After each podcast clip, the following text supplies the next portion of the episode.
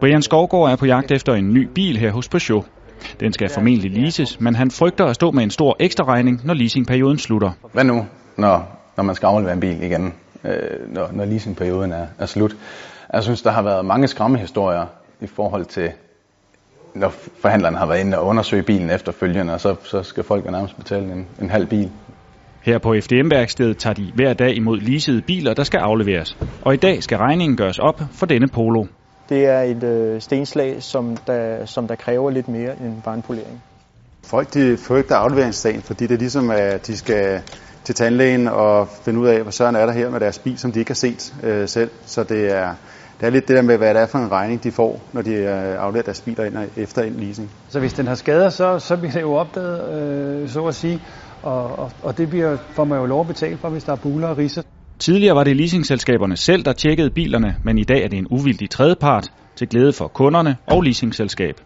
Jyske Finans, der blandt andet står bag privatleasing.dk, er i hvert fald glade for den nye løsning. Heldigvis kan vi jo sige i dag, at når man leverer sin bil ved FDM og får den gennemgået ved FDM, jamen så øh, er FDM jo en uvildig part, og derfor ser vi ikke ret mange uenigheder. Det ser ud som om, at han har, øh, han har været ramt på, og så har den fået sådan et hak ind i kofangeren.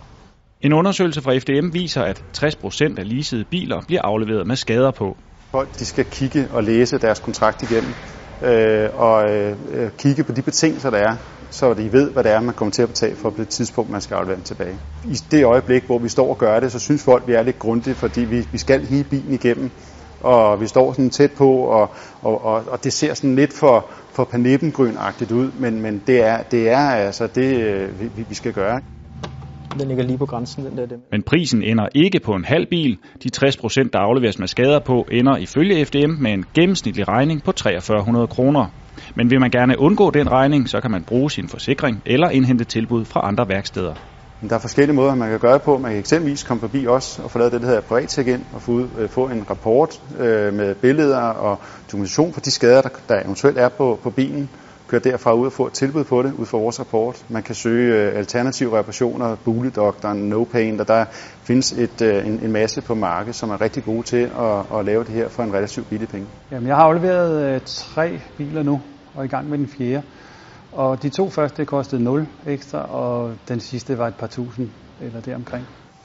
Hvad så, Thor? Hvordan er det gået? Fint. Der er gået, var en skade på forkofangeren. En skade på? Hvor meget løb det op i? 3.000 plus moms, så 3700. 3700? Ja, okay. Jeg går ind og afslutte med fundet. Ja, tak for det. Oh, det er rart, synes jeg. Det er meget rart at vide. Jeg tror, at jeg, jeg hælder mest til leasing. Jeg, jeg synes, det, det, virker, det virker mest behageligt. Og så kan man sige, at i stedet for at skulle gå ud og smide 160.000 eller 170.000 til en ny bil, jamen så har du egentlig bare en månedlig ydelse på omkring 2, 3, 2400.